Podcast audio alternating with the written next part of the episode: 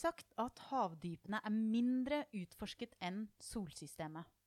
Og det finnes utallige myter om hva som lever der nede, og i denne episoden av Biopodden Undring skal vi se om ikke sannheten kan være like spennende, forferdelig og fantastisk som mytene. Vi skal dykke ned i de dypeste, mørkeste delene av havet og undre oss over hva vi finner der. Og med meg i studio så har jeg Vilde Olsson Lahlun. Hei, hei, her er jeg. Og mitt navn er Elina Melteig, og i dag så skal vi gjøre et dypdykk. Og jeg liker at du sier dypdykk. jeg har gledet meg til å si det ordet.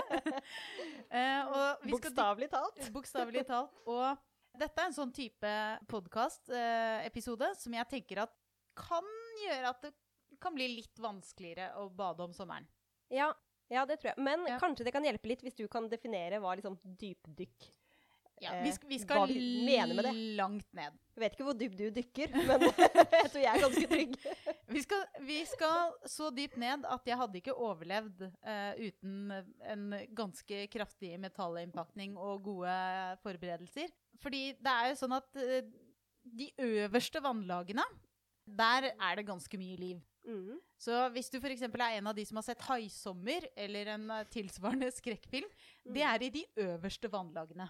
Ja, hva det, Hvor eh, dypt er det, Nå, liksom? nå snakker, og da snakker vi sånn 200 meter, og så er det der, De 200 første meterne, der er det fortsatt bitte lite grann lys. Ja, som går gjennom? Ikke sant? Mm. Og så går det fra 200 meter og ned til 1000 meter. Er mørkt. Der er det ganske mørkt. Ja. Og vi snakker fortsatt liksom ikke de dypeste delene av havet. Det er for de kan vel spise ting som er litt eh, Lenger opp? Ja. Og vi skal under der igjen. Skal under OK. Ja, så alt på en måte under 1000 meter. Og det er de tingene som haisommerhaien er redd for. Hvis, måte, hvis du bruker det som en sånn metafor. Eh, vi, skal, vi skal ned i de virkelig dype tingene langt der nede. Og så må jeg bare si haisommerhaien, det er jo Den fins ikke. Det var en, En tur. eh, en tull. Men vi skal i hvert fall dypt ned. Men hvor mye, vet du hvor mye av jordas overflate som er så dypt? Ikke hvor mye som er så dypt, men jeg prøvde å finne ut hvor mye av havet vi har utforsket. For der er det ganske mye spennende tall ute og går. Mm. Og så er det sånn at hele planeten har blitt skannet. Eh, og det inkluderer alt av verdenshavene. Eh, og, og det er 70,8% av jordens overflate er dekket av eh, vann. Og dette er blitt skannet med en, en eh, eh, ganske grov skanner. Den har en oppløsning på 5 km. Så det betyr at det er ganske mye Mm. informasjon vi ikke har. Som vi går glipp av, ja. det, kan skje Ja. mye. Men skanna sånn eh, Hvordan har de gjort det? Da har de brukt en eller annen form for eh, lyd, sonar, tror jeg. Det som er litt morsomt, da, det er at uh, man har jo også skannet overflaten på en rekke planeter, f.eks. Mars. Og NASAs kart over Mars har en oppløsning på Ja, nå gleder jeg meg. 20 meter.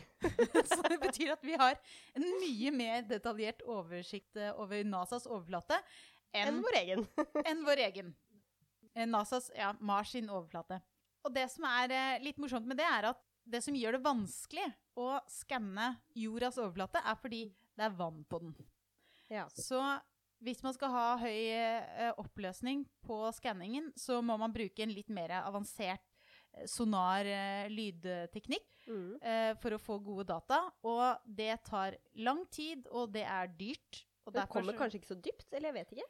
jo da, de Ja. kan godt uh, lete ganske dypt, men jeg tror på de dypeste områdene så tror jeg kanskje de bruker sånne undervannsroboter uansett. Ja. Uh, og det er jo en av de tingene som, uh, som de gjør nå. Men de oppdager jo stadig nye ting i nye sammenhenger. Eksempel i 2014 så var det et fly fra Malaysia Airlines som forsvant. ja. Og da brukte de sonar for å lete. Altså, Eh, men de om... fant jo aldri det fly. Nei da. det?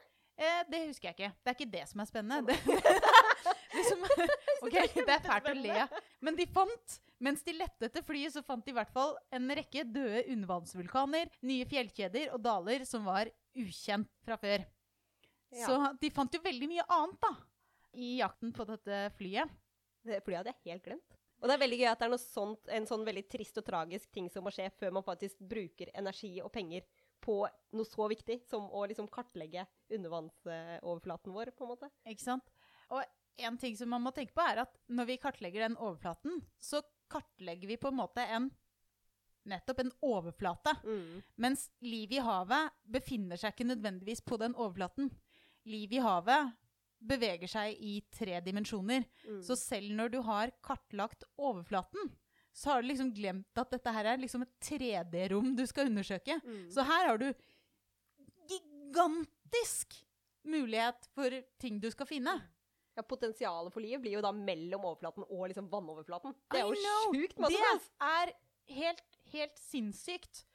Og siden fokuset i dag er på noen av de dypeste delene av havet, eh, så kommer vi ikke helt utenom Challenger-dypet, eh, som angivelig er det dypeste havområdet. Og det finnes nederst i Marianegropen, som, som inneholder flere av disse dypeste dypene. Mm dypene. Og Og Challenger-gropen er trolig 10 994 meter dyp. det er helt sykt. Det er nesten så dypt at det er Mount Everest og Norges høyeste fjell oppå hverandre. Nesten. Altså, det, det I hvert fall så er det Mount Everest, og så har det liksom sånn Og litt til. Og ganske mye til. Ja, for jeg så det er eh, faktisk fire gallepigger oppå hverandre i, i dyphet. Jeg bare tar gallepiggen-skalaen. Jeg Ja. føler der har vi jo gått, og vi vet hvor slitsomt det var. Så det er fire ganger gallepiggen rett ned. Det er, eh, det er faktisk eh, mennesker som har vært der nede. Og sist så var det, som jeg vet om, da, eh, så var det en fyr som het Viktor Veskovo. Han tok et par dykk ned dit bare for å ha rekorden. Og han hadde med seg filmkamera og dro ned der. Bare for å ja, først og fremst undersøke, da. Og da har jeg lyst til å spørre deg, Vilde. Hva tror du han fant der nede? På det dypeste området på jordens overflate? Da tror jeg han fant en fossil. Det hadde vært veldig gøy. Det hadde vært kjempegøy, faktisk. Det var ikke det han fant? Nei, det var ikke det han fant. Han fant en plastpose. Nei. Åh. Hva har vi gjort? Det må jeg bare si at jeg syns er eh, Det er jo bare trist. Vi har satt spor etter oss på steder der vi aldri har vært. Og der Han, han hadde jo vært der en gang før, da. det er sant. Han var der to ganger. Eh, jeg vet ikke om dette var den første Nei, turen eller den andre, men det var neppe hans pose. Nei. Det var liksom poenget, da. Ja. Det, jeg, jeg føler for å si at vi må skjerpe oss litt. Eh, Tenker jeg Hvis denne forvilla seg ned på 11 000 meter, kilometer dyp Nei, Mm. 11 000 nesten 11 000 meters dyp. Da er det nok plast så å si alle andre steder òg. På veien så fant de jo fire nye arter, f.eks. Eh, så det var ikke bare en eh, plastikkpose. Men det er mye annet gøy som lever i havets dyp, som ikke er plast. Ja. Eh, og det, de oppdager nye ting eh, hele tiden. Så jeg har funnet en forskningsartikkel hvor de, som er skrevet av noen forskere, som senest i april i år, dvs. Si 2020, har eh, undersøkt eh, havet og funnet 30 nye arter i Mhm. løpet av en liten uh, Dyp hage, liksom. Yes. Så det er et, Og jeg tror det er veldig mye mer å finne ut av, fordi på et annet tokt Eller et annet tokt er jo på en måte Det er det eh, marinbiologer kaller eh, disse utfluktene på båt. Fra 2015 til 2017 så har eh, noen forskere tatt og skannet 230 000 kvadratkilometer med Jeg sjøbunn. skjønner ikke hvor stort det er, men det må være veldig stort. Jeg har ingen idé om hvor stort det er, men det er, det er kjempestort. Mm. Men det er ganske mye å ta av, så jeg tror ikke det gjør noe at det er stort. De har 900 timer med film på undervannskamera, Mm. og de fant 347 000 ulike dyphavsskapninger. Eh, må si, vi må si skapninger, fordi det er ingen som egentlig helt vet hva det er. Hvor mange var det du sa? Tre? 347 000 347 000. ulike dyphavsskapninger. Og det som er veldig gøy med, med det tallet, er for det første så er det et kjempestort tall. Ja, det er ja. For det andre så er det bare 20% av det som de klarte å sette et navn på, eller artsidentifisere. Det betyr at 80% av dette Er potensielt nye arter. Yes. Å, fy søren. Det er sjukt, det. Og så tenker jeg 900 timer er jo mye, men det er i hvert fall et tall jeg klarer å liksom skjønne hva er. Men den mengden arter er jo helt sjukt. Det er det.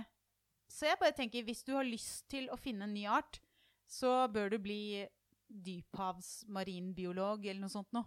Og vi kan definitivt ha en ny pod om dette om, om en stund. Hvis noen Jeg, jeg, tror du kan, jeg tror man kan ha én pod i året om sånn nye arter fra dyphavet. Ja. Hvis vi skulle hatt nye arter-pod, så kunne vi hatt en ny pod Altså, Ja, hva skal du i morgen? det, det kommer jo nye arter hele tiden. Ja. Eh, som er en veldig fin ting. Poenget var at det, det er ganske mye å oppdage. Så vi vet ikke hva som lever der nede.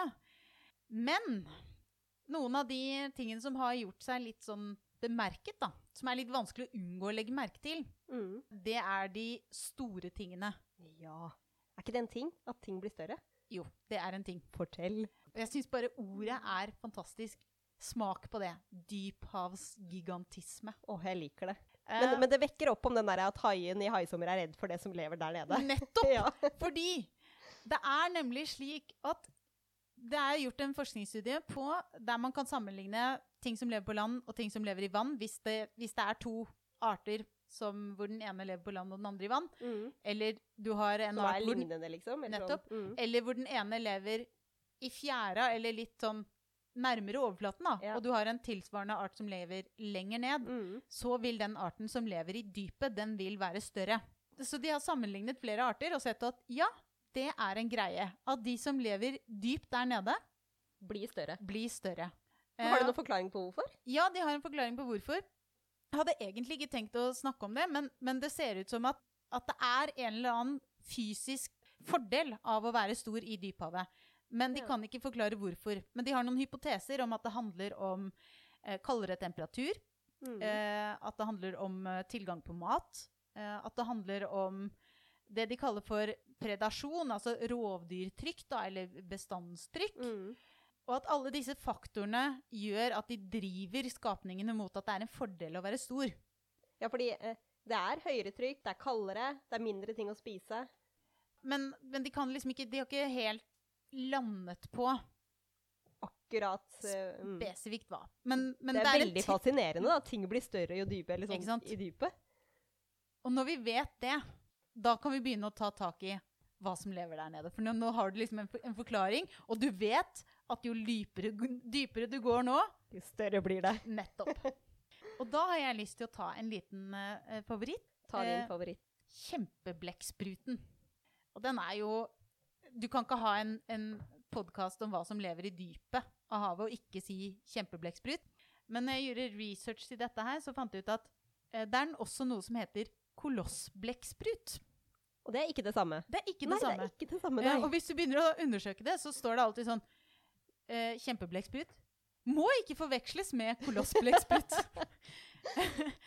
um, Men den er svær. Den er kjempestor. Den har ti armer, og hundene kan bli opptil 13 meter lang, lange. Og hannene opp 13 meter? Yes. Og jeg tror kanskje det er snakk om armene, jeg er ikke helt sikker. For selve den Ja. kappen, Mm. eller den Jeg liker å kalle Nå ser jeg på meg blekkulv. eh, eller hatten Ja. til blekkspruten. Ja. Eller det er ikke en blekksprut, det er en akkar. Men Ja. akkar er en type blekksprut, så Mm. det er, kan være litt forvirrende. Den har ti armer, ikke åtte. Mm. Ja, for Eh, blekkspruten åtte. åtte. Og blekksprutene lever på bunnen, Mm. mens akkar er mer sånn de svømmer rundt. Ja, så du sier nå at når man svømmer rundt, så kan man støte på denne kjempeblekkspruten som er en akkar? Hvis man dykker dypt nok. for kjempeblekkspruten er ikke så glad i å komme opp på overflaten. Det har litt med at de er liksom tilpasset et trykk og sånn, som er litt Mm. lenger ned. Og dessuten så spiser de jo stort sett ting som eh, lever der nede. De er jo rovdyr. Men de spiser ikke oss. Jeg tror ikke det er så veldig mange Det vet vi jo ikke, egentlig. Det vet vi egentlig ikke. det- Det flyet, for eksempel, som forsvant. Hvor ble det av det? Elina. Men uh, det kan jo også være en kolossblekksprut. Det kan være en kolossblekksprut, ja. Fordi den blir også veldig, veldig, veldig stor. Den blir 12-14 meter lang. Uh, og den er litt tyngre enn kjempeblekkspruten. Mm. Og så har den eh, et slags nebb som alle blekkspruter har. Som er egentlig bare et hardt skall som den bruker til å spise maten sin med. Og så har den kroker i de to lengste tentaklene. For den har det. Så kolossblekkspruten har kroker, eh, mens kjempeblettspruten kun har sugekopper. Så det er en, Og begge disse artene lever i dyphavet. en 14 meter lang ting med tentakler som har kroker på de lengste armene sine. Ja. For å liksom dra til seg byttedyrene. Og holde seg fast. Og så har den et kjempeskarpt nebb som den liksom gnafser i seg byttet sitt med. Og de, disse greiene her spiser jo liksom hval og sånn. Kan i hvert fall gjøre det. De, de er jo svære. Men de kommer ikke opp til overflaten, så det er egentlig helt greit. Det som er gøy, virkelig gøy, med kjempebrekksputen, er at nå har eh, noen forskere filmet den På dypet på dyphavet, Mm. langt der under vann, hvor det ikke er noe særlig lys, så har de mm. filmet blekkspruter, kjempeblekkspruter, som på en måte svømmer rundt sammen med hverandre og leker, eller jeg vet ikke helt hva de driver med.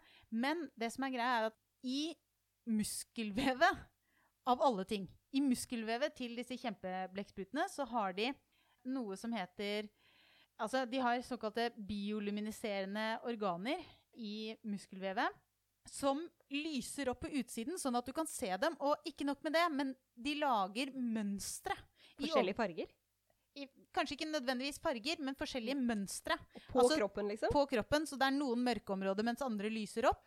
Og det som er gøy, er at forskerne har kommet fram til at dette her kan neppe, med forskerforbehold, men det kan Ja. neppe være noe annet enn kommunikasjon. så- Shit, så gøy. Dette er, dette er en eller annen måte å snakke sammen, nesten. Og de, de ser for seg at dette er en slags sånn enkelt alfabet, eller emojis, liksom, på huden. Men tror du det er sånn flørting? Å, se på, se på mine farger, da.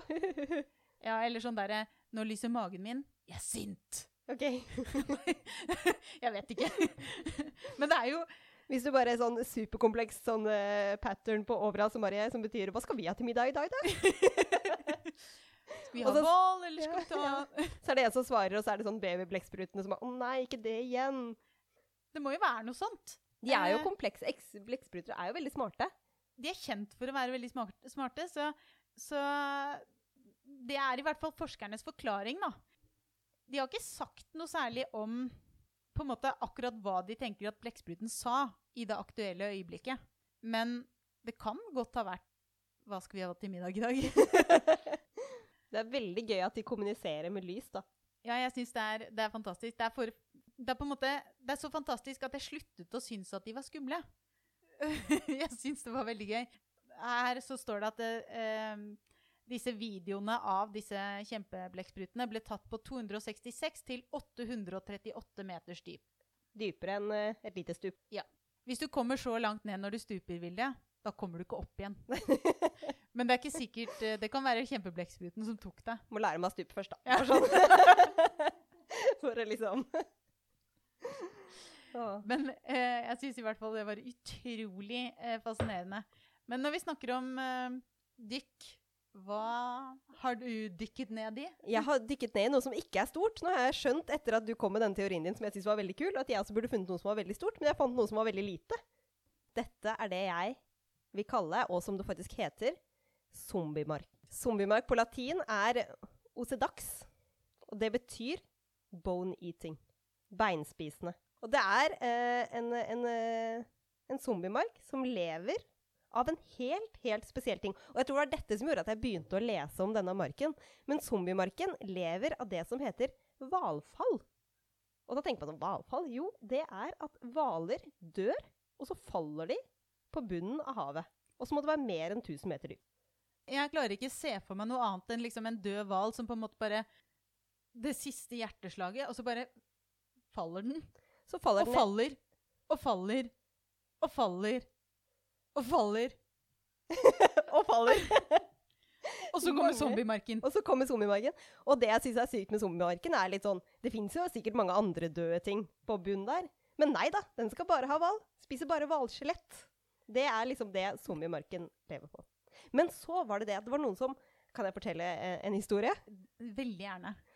Eh, det var jo disse eh, forskerne som tenkte den zombiemarken, den er kul. Men det er jo ikke så veldig mange hvaler som dør og faller til bunn på mer enn 1000 meter. Og det er jo ganske vanskelig å finne dem. Sånn, Det er ikke ofte man kommer over det. Ja, altså, hvordan finner zombiemarken hvalene? Nei, det, er, det, var det de skulle finne ut av. da. De skulle finne ut av mye, disse forskerne. Så det de gjorde, var at de klarte å skaffe fem døde hvaler. Vet ikke hvordan de, de døde naturlig, vet ikke hvordan de fant dem. Men så slapp de de ned på mange tusen meters dyp, og så så de hva som skjedde. Det var liksom eneste måten å klare å lære noe om denne zombiemarken på, da, var liksom å lage mat. Og slippe ned hvalene til bunn. Og, og åte ja, og se hva som skjedde. Ja, altså den, det, det, er jo åpenbart, når de har kalt den for zombiemark, ja. så vet du at det her er ille. Vil du vite hvordan zombiemarken lever? Kanskje. Zombiemarken den er bitte, bitte, bitte små eh, larver.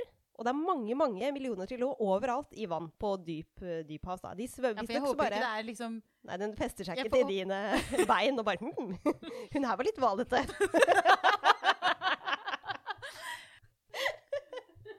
det, var, det var du som sa disse badegreiene. Du må være på mer enn 1000 meters dyp, og Elina, du er ikke hvalete. Takk. ja. Uansett, zombiemarken Men altså, ja. hvis, hvis, jeg noen gang blir spist av zombiemark ja, Da Da vet du hvorfor. Uansett, zombiemarken starter sitt liv som bitte, bitte små larver som flosser rundt i store kolonier overalt i havet og svømmer rundt og leter etter mat. Oi! Så kom den nær. Et hvalskjelett. Hvalbein. Da binder zombiemarken seg fast i hvalskjelettet og så sier den 'yes, mat'. Og med en gang den har funnet et hvalskjelett, så sier også zombiemarken 'nå skal jeg bli en damemark'. Så alle mark, markelarver som liksom treffer et hvalskjelett, blir en damemark. Og jeg liker hvor det her bærer hen. Ja, jeg skal si at damemarken er liksom det sterke kjønn da, i zombiemarkens uh, tilværelse. Så hva skjer da? Da begynner zombiemarken å lage litt sånn små røtter som graver seg inn i beina på hvalen. Og måten de graver seg inn på, for de har ikke tenner. Det har de ikke, disse zombiemarkene. De har syre. Så de syrer seg gjennom skjelettet til eh, hvalen. Eh, og så setter det seg fast med sånne røtter inni der. Og så har ikke disse zombiemarkene ikke munn, de har ikke fordøyelsessystem, de har ingenting. Så egentlig for å få inn all energi fra eh, hvalens eh, bein, så lager den det som heter symbiose med en bakterie. Og symbiose det er liksom fellesskap. Litt sånn Samarbeid. Samarbeid, fellesskap mellom to organismer hvor begge liksom drar nytte da, av eh, samarbeidet. Og i dette tilfellet så bakterien bryter, eller zombiemarken bryter seg inn i beinet og gjør, liksom all, nei, gjør at man får tilgang til liksom bein og beinstrukturer og mat. Og så er det bakterien som bryter ned ting.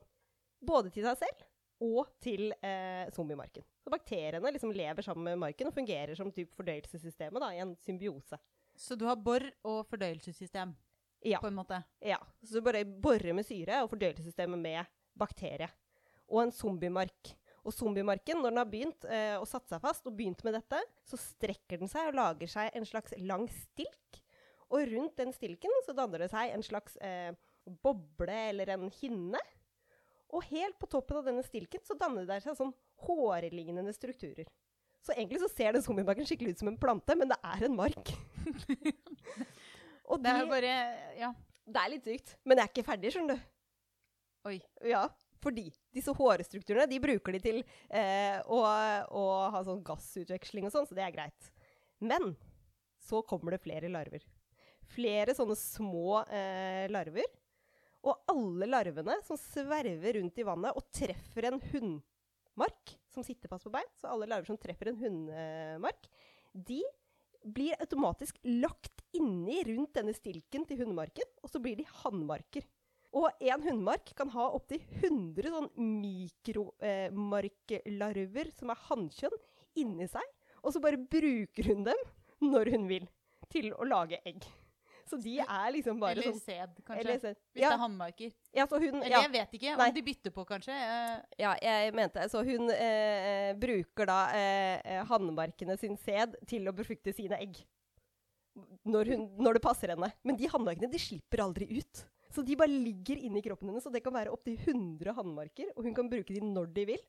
Og, og så bruker hun de og befrukter eggene sine, og sprer da befrukta egg eh, som blir til larver, rundt om i havet. Og jeg tror det var mange millioner eh, egg eller eh, larver som hver sånn liten eh, mark kan lage med disse fangede hannmarkene inni kroppen. Hva skjer når eh, det er slutt på hvalen? Kan hun liksom slippe seg selv fri og svømme av gårde igjen, eller dør hun når skjelettet er spist opp? Jeg tror hun dør når skjelettet er spist opp. Det har jeg faktisk ikke eh, lest på, men jeg ser på meg at det er jo ikke en veldig komplekst organisme, denne marken.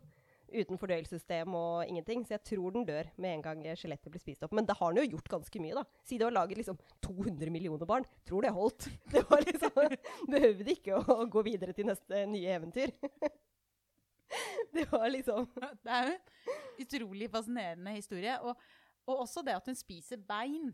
Ja, for bein er veldig hardt. Det er veldig få ting som spiser bein.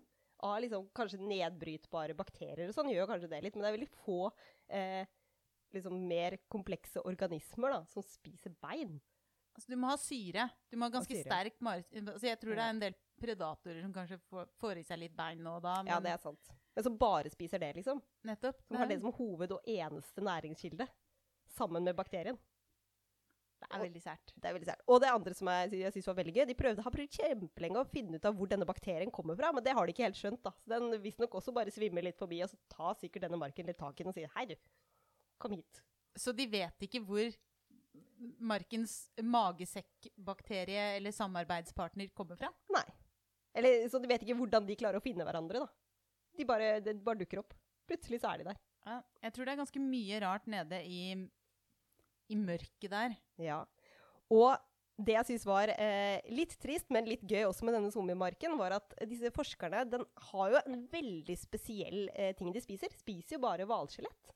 Så forskerne tenkte at denne marken den kom sikkert når hvalen kom. De har evaluert sammen. Ja, det gir jo mening. Det gir jo mening. Og det, det, det betyr jo at du, hvis du leter etter hvalskjelett, så har du kanskje litt liten sjanse til å finne det. Ja, det, det stemmer nok. Men det de fant ut, var at marken den kom 60 millioner år før hvalen. Så den kom eh, litt før, eller ca. samtidig som dinosaurene. Oi. Og når du går tilbake, eller har de gått tilbake og prøvd å se liksom, på eh, skjelett fra store dyr som har levd i havet før, så har de funnet disse små, små hulerommene og disse inngravingene da, som disse eh, markrøttene lager inni skjelettet. Og funnet ut at den marken gikk på bare andre store havdyr før. Og siden disse markene bryter ned da havdyrskjelett, så tror forskerne at det kanskje kan være pga. disse markene at det er så vanskelig å finne skjelett fra liksom store prehistoriske havdyr. da. Så takk til den marken for eh, forskning på store havdyr. For den har rett og slett vært å forsyne Kost seg. seg. Kost seg. Og så virker det liksom Nei, søren, døde dinosaurene? Nei, må finne noe annet, da. Nei, men, nei, du, den hvalen var svær. Skal vi ta den, eller? Det er akkurat sånn jeg Og føler hvis de det er gått. skulle dukke opp noen sånne haisommer trehaier, så vet vi at vi kan alltids bare prakke noe zombiemark på den. Og Ja, I hvert fall når den faller til dypet. Nettopp. Jeg har funnet, um, jeg har funnet noe annet som kanskje, kanskje kan forklare en myte. Jeg tror de fleste har hørt om forskjellige sjøormmyter. Loch Ness? Nei, det er ikke sjø, da. Nei, Men- det er ikke sjø. Men det er innsjø. Men det, Det er innsjø. det holder vi utenom. Ferskvann er ikke med her. Hvis vi tenker eh, sjøormmyter, så er det faktisk en, en fisk som, eh, som lever nede i eh, dyphavet. Den holder til på 900-1000 meter dyp. Og jeg syns det er veldig gøy. Den ble jo faktisk funnet av en, en norsk biolog, Peter Askanius, som levde på 1700-tallet. 1700-tallet. Helt sykt lenge siden. Dette er lenge siden. Han fant denne fisken, og den ble første gang beskrevet i 1772. Men den er ikke veldig kjent, den, eh, selv om den er så gammel. For det, den eh, holder jo til der nede. Men den kan forklare ganske mye sånne sjøormmyter, fordi dette er en, eh, en fisk som heter På norsk så heter den sildekongen. På latin så heter den regolesus glesne, etter at den ble funnet på Glesvær. Så den er oppkalt etter stedet. Og den kan bli opptil 270 kilo tung og 15 meter lang. Det er rett og slett den lengste fisken. Shit. Eh, eller den lengste beinfisken, da, hvis man skal være helt eh, presis. Og den er sølvfarget, og så har den en sånn eh, ryggfinne på toppen. Og de, den svømmer ved å bruke den ryggfinnen, bukte den fra side til side i en sånn bølgebevegelse. Sånn at den ser litt sånn ormaktig ut i eh, bevegelsen, så glir den bortover. Og det er ganske morsomt, fordi angivelig så skal den også kunne stå eh, vannrett og svømme oh. vannrett bortover. Så den, det er på en måte bare den Den ser ut som en ål, da. Den ser ut som en, litt som en ål, eh, men det er en fisk. Eh, og den heter sildekonge. Men jeg, jeg skjønner jo at folk syns at den er liksom fryktinngytende. 15 meter er stort. Jeg hadde tenkt at det var sjøorm hvis jeg så en, en helt rett fisk på 15 meter. Jeg tror også jeg hadde trodd at det var sjøorm. Jeg tror jeg hadde tenkt dette her Nå ser jeg syner. Dette, dette tror jeg ikke på. Tror jeg hadde. Men det er, um, ligger et bilde av den uh, ute, hvor du ser en uh, gruppe menn som holder den. Da ser du at den, den ser veldig, veldig, veldig veldig stor ut. Eh, det er ikke en fisk du har lyst til å, å på På. kroken. Nei. Virkelig ikke. Men eh, jeg, jeg syns på en måte den, det, det er en dyphavsfisk. Jeg syns den forklarer en hel del. Det er en sjelden gang så dukker den jo opp. Og den passer jo godt i det eh, gigantisk-prinsippet ditt. Som du Absolutt. nevnte. Det er jo helt eh, sjukt, egentlig, at den kan bli så stor. Ja. Jeg hadde ikke helt eh, Hva skal jeg si Jeg, hadde, jeg, hadde, jeg, jeg, klarer liksom ikke Jeg vet ikke hvordan jeg hadde reagert hvis jeg hadde kommet borti en, en 15 meter lang sølvfarget fisk med en sånn rød hale eller rød ryggfinne, og som bukter seg bortover. Jeg, kan, jeg kan forstå at det dukker opp sånn helt sånn merkelige myter uh, rundt det, Mm, rett og slett. det er sant. Så det er veldig fascinerende. Det er kanskje ikke så skummel i seg selv, fordi den lever ikke av døde hvaler, men av små blekkspruter og, og krepsdyr og småfisk. Så det er liksom ikke Er det det du prøver nå, på å berolige oss med hvis du ser en 15 meter lang fisk, ta, med, ta det med ro, den spiser bare kreps. Jeg, tror, jeg vet ikke eh, hva jeg ville gjort hvis jeg hadde sett den selv. Jeg tror ikke jeg hadde klart å berolige meg selv med 'slapp av, du er ikke en kreps'. eh, men eh, Jeg er veldig rød i huden noen ganger, da. Ja, det hjelper ikke. I hvert fall på stranda. I hvert fall på stranda, ja. Det er i hvert fall en forklaring Mm. på hva, det, hva sjøormen kan ha vært. Ikke den i Seljord, ikke den i Loch Ness, men Alle de andre. alle de andre. Men det er litt gøy da, når man liksom har eh, en sånn eh, ting mange har snakka om, med liksom sjøhyre og sjøorm, at man har sett noe, at man faktisk får en forklaring på hva det kanskje kan være. Og at folk har ikke løyet, de har ikke funnet på ting, de har bare sett en fisk. Jeg syns det er veldig gøy, for dine eksempler er veldig store, og mine er veldig små. Har du, ny, har Jeg har et nytt, veldig lite, enda mindre eksempel. Ja, men la oss høre. Ok, det starta med en eksplosjon i en oljerigg i Mexico. Det ser dramatisk ut. Det var veldig dramatisk. Ja, okay. Jeg vet ikke om det var en eksplosjon, men det var et som skjedde liksom der hvor de tar opp olje ved havbunnen. Da. Så masse, masse, masse olje ble sluppet fri, og det la seg som et slags sånn belte, eller en oljepølse, er det det de kaller det, da. Helt nederst i bunnen av et sted da, i Mexicogolfen. Og der er det over 1000 meter dypt. Og olje, det er jo skadelig. Det er jo ikke veldig bra for eh, naturen. Og man trodde jo, eller man tenker, at det er veldig dårlig når det kommer så mye olje så dypt i havet, og man får ikke tatt det bort. Det bare ligger der. For det er jo, de bildene man ser av olje når den er i overflaten, er jo veldig sånn Du ser at her har det vært store ødeleggelser, du får ikke gjort dette bra igjen. Det, og det blir jo ofte betegnet som katastrofe. Ja. Og det, det var jo helt sikkert det her òg. Men det som var spennende, eller som jeg syntes var veldig gøy, var at det var noen forskere som tok forskjellige prøver på forskjellige steder av denne oljepølsa. Tok med prøver opp og eh, prøvde å liksom analysere hva de fant da, i denne oljeklynga. Og det de fant, var egentlig at det florerte av bakterieliv.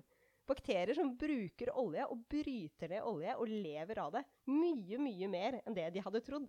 Så viser det at nedbryting av olje på så dypt hav er liksom av noen bakterier som de ikke visste fantes, og i hvert fall ikke visste fantes der. Og at den, de bryter ned olje mye, mye fortere enn det man skulle trodd. Det er jo bare Men det er jo vanvittig gode nyheter, da. Ja, det var kjempegøy. Og nå skal jeg ikke si at oljen ikke gjør noe skade der nede, for den gjør nok sikkert veldig veldig mye mer skade enn om den ikke hadde vært der. Men det som var gøy, var jo at da noen bakterier har liksom klart å tilpasse seg og overleve der og bruke oljen som en slags som mat eller som næring. Ja, og det er litt sånn som med forskerne som da uh, har plassert ut hvaler, ikke sant? Fordi hvis de, ikke, hvis de ikke hadde havnet olje der, så ville du kanskje aldri funnet de bakteriene. Og det som også jeg synes var veldig gøy, var at det de er redde for når man liksom får oljesøl eller andre ting, er jo at all oksygenet skal bli borte. For det meste av liv trenger jo oksygen. Og de tenkte at bakterier de eh, lever der, men de har sikkert brukt opp alt oksygenet som er der nede. Så det kommer til å være helt liksom, oksygenfattig. Men det var det ikke. Det viser at disse bakter bakteriene de, liksom, de bruker ikke opp all oksygenet som er der nede. Så det er egentlig bare gode venner med noen fancy bakterier de ikke visste fantes, som lever da nå på 1000 meters dyp i Mexicogolfen og spiser sakte, men sikkert opp denne oljepølsa. Og da er jo spørsmålet Hvis du liker oljepølse til middag på 1000 meters dyp, liker du oljepølse til middag når det er på overflaten også? Å, det hadde vært fint. Det hadde vært veldig fint. Men nå har jeg spilt dette inn som en veldig sånn solskinnshistorie, da. Og det var det jo faktisk, fordi man trodde ikke at de bakteriene var der nede. Men de bakteriene fins jo, eller lignende bakterier, da. Gode slektninger som også bryter ned olje og som gjør ting, fins jo egentlig på vår overflate for oss også. Det er bare at de er så de er mye mer effektive enn om de aldri hadde vært der. Men de er ikke liksom effektive nok til å ta alt oljesølet vi har, eller sørge for at vi ikke får oljesøl. på en ja. måte. Det er ikke bare å spre litt av det med liksom pellets, der hvor du mister olje, og så plutselig så er det ikke noe dagen etter. Det her tar nok veldig veldig mange år og tar mye mer mye tid og energi. Men, men det skjer også på 1000 meters dyp, så ja. det er gøy. Jeg så liksom for meg nå at det, nå har vi en løsning på mange ting. Eh, det kan hende det ligger noe i det. da. Kan jo hende. Altså, men det er jo bedre at de fins, enn at de mm. ikke fins. Det tror jeg vi kan være helt, helt sikre på. Og det må være gøy når du forventer å finne ingenting, og så finner du det. Ja. Jeg har, jeg har et eksempel til. Uh, og det er en um, Det er også et uh, vesen som er ekspert på å lage små, små, små ting. Ikke stort? Faktisk. Jeg har tatt med meg et eksempel eh, som ikke er stort. Og det er intet mindre enn en snegle. Og den sneglen den lager et hus som er veldig, veldig spesielt. Og det er derfor jeg syns det var gøy å ta dette eksempelet. Fordi det er det eneste levende vesenet i verden som lager sin egen rustning av jern. Og det syns jeg er skikkelig, skikkelig gøy. For eh, de, de, fleste snegler lager jo hus, eller veldig mange snegler ja. lager hus. Og denne sneglen den lever i, dypt nede under vann, gjerne i nærheten av sånne eh, dyphavsskorsteiner, hvor det kommer gasser og diverse Varm luft og sånn ut? Ikke sant? Det er sånn, mm. eh, og det er jern, mye jern i, i, området den bor i. Høres ikke veldig koselig ut der nede. Sånn. Nei, Nei, egentlig ikke. Det er på en måte en litt sånn derre trykkhelvete uten lys. Det er egentlig ikke noe særlig i det hele tatt. Men der finner du disse små sneglene, som da lager skall med små nanojernkuler. Og ikke nok med det. altså Vanligvis når jern opptrer i naturen, så vil det mm. være eh, hos de fleste arter rustet. Mm. Altså det vil si eh, når ulike arter eh, bruker metaller i kroppen sin, så vil mm. de som regel på en eller annen måte være i kombinasjon med oksygen. Ja. Men det som er veldig spesielt med denne sneglen, er at rustningen den lager, er av eh, Man kaller det vel for pyritt, hvis jeg ikke har tatt helt feil. Okay. Og det er små jernnanopartikler. Mm. Så, så dypt der nede i Det indiske hav, nær disse dyphavsskorsteinene, så lager den rett og slett et uh, sneglehus som er sånn sort, skimrende metallrustning. Det er Det er gøy. Det er så utrolig morsomt. Og der er det vel ikke så mye oksygen heller? Nei, det er ikke så veldig mye oksygen, så det er derfor det går. Men ikke nok, eh, nok med det. Um, fordi denne prosessen i seg selv er interessant. Så forskerne har studert hvordan den klarer å lage disse jernnanopartiklene kontrollert. Og greia er at den gjør jo ting som vi veldig gjerne skulle kunne. Fordi det er en utrolig energikrevende, vanskelig prosess å lage jernnanopartikler uten at det skal komme oksygen til. Mm. Men denne sneglen får til å gjøre det på lavere temperatur enn en vi får til, og med mye mer kontroll. Så vi kan egentlig lære veldig mye av hvordan denne sneglen opererer. rett og slett sånn rent kjemisk. Um, og da er det, da er det litt sånn bio-nano eh, ute og går. Ja. Og jeg tror ikke jeg skal gå inn på detaljene rundt det nå, men, eh, men jeg skal ikke utelukke at det kan bli en bio-nano eller bio-nanopod eh, på et eller annet tidspunkt. Det hadde vært veldig gøy. Det er i hvert fall en hva jeg skal si, inspirerende snegle. Jeg ser den for meg, og den eh, virker veldig kul. Og det jeg syns nesten er det mest kule, er hvor fascinert jeg blir over at den kan lage sin egen rustning. Når jeg syns det er helt vanlig at de lager sine egne hus. Det er liksom helt greit. Men når den lager sin egen rustning, er det sånn wow, det er helt sjukt. Jeg tror vi skal eh, runde av. Vi har jo våre fun facts, selv om alt vi gjør er både fun og facts. Ja, skal jeg eh, begynne med min? Den har noe med havdyp å gjøre. Kjør på. Det er jo, vi har jo snakka om at det blir eh, høyere trykk jo lavere du går, og jo mer vann du har over deg. Eh, og det stemmer. Men hvor mye trykk er det egentlig der hvor det er skikkelig, skikkelig, skikkelig dypt? Mye. Mye. Det er faktisk, hvis du tar da eh, denne, hva var det du kalte der hvor det var dypest i Mariana-gropa? The Challenger Deep. The Challenger Deep, som er nesten 11 000 meter dyp. Der er det faktisk så mye trykk at det er 1100 atmosfærer med trykk over deg. Det er faktisk så mye trykk som hvis du skulle balansert og holdt en vekt som veier ett tonn på ytterst på lillefingeren din. Jeg kan ikke se for meg noe annet enn at det må gjøre umenneskelig vondt, og at det ikke er så mye igjen av den lillefingeren. Veldig mange av de dyrene har jo ikke noen eh, gasslomme. Sånn som det, det som er mest utsatt hos oss, er på en måte lungene våre. Ja. Og, og det at vi liksom pusher gass rundt i kroppen. Det er sant. Vi er jo mye av det vi eh, gjør, og hvordan vi er laget, er jo basert på atmosfære på null. på en måte. Vi Ja. skal stå, at vi går, at vi ikke er i vann. Liksom, det er jo mange ting som Vi skal ikke oppholde oss på 1000 meters dyp, Nei. er egentlig konklusjonen min. Og det som er gøy, eh, som vann veier jo veldig, veldig, veldig mye mer enn luft, men luft veier også noe. Men hvis vi f.eks. går på en høy topp, så blir det jo så lite trykk at vi ikke klarer å puste. Så vi blir rett og slett litt dårlige Så av vi blir jo kjempedårlige av det, og det er jo når vi endrer bare i luft. Så hvor mye vi endrer, eller hvor mye trykk vi ikke tåler når vi er i vann, er jo helt, eh, helt sykt. Man merker det jo bare når man dykker litt, uh, litt dypt, så får man liksom dotter i øra og sånn. Vil du høre hva jeg har? Det vil jeg. Ok, jeg, eh, Listen over dyr eller fisk eller skapninger som jeg gjerne skulle tatt med, er veldig, veldig veldig lang. Eh, så jeg måtte bruke funfacten min til å ta med en fisk som jeg, Ta med et dyr til. som jeg ikke fikk snakket om. Uh, men jeg syns den er så kul. Uh, og det er en fisk som, eh, som jeg, så vidt meg bekjent, ikke har noe norsk navn. Men på engelsk så heter den The Black Swallower. Og det er et veldig greit navn for den, fordi den er sort, og den har evnen til å spise byttedyr som er dobbelt så lange og ti ganger dens egen vekt. Den har rett og slett en veldig veldig stor kjeft. Og så har den en pose på magen Som der den, utvider seg. som utvider seg, hvor den kan svømme rundt med det den måtte finne på å spise. Og den lever på dyp ned til eh, la oss si, det er mellom 700 og 2745 meter. Mm. Jeg vet ikke om det er eksakt, at det er sånn, den går aldri under det. eh, men det var veldig presist. det er, vel, eh, det er vel så langt ned de, har sett den. Og den, den spiser det meste den kommer over. og det er fordi det er litt langt mellom maten. Måltidene.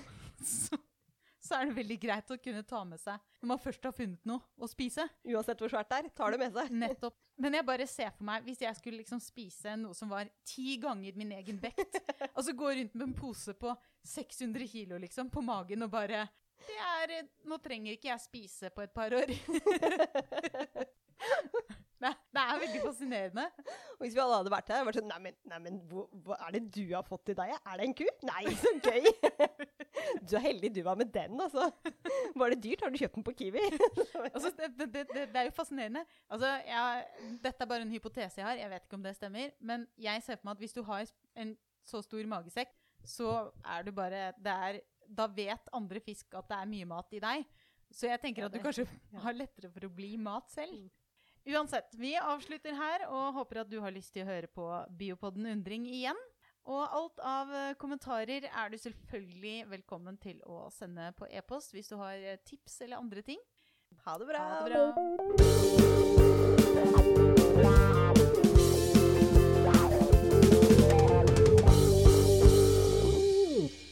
har nå hørt Biopodden Undring med Vilde Olsson Lahlun og Elina Melteig. Med på laget har vi også Torborg Galtland, som er daglig leder i Norsk biologforening. Biopodden utgis av tidsskriftet Biolog, som eies av Norsk biologforening. Disse utgivelsene skjer i samarbeid med Tidsskriftforeningen med midler fra Fritt Ord. Musikken du hørte, er laget av biologibandet Overgump, som består av Even Sletteng Garvang, Markus Fjelle, Erik Møller og Mathias Kirkeby. Fortell gjerne om podkasten til venner og kjente, og gi oss tips og tilbakemeldinger på e-posten biopodden alfakrøll bio.no. Du kan støtte oss ved å bli medlem av Norsk biologforening. Alle er velkomne. Vi høres.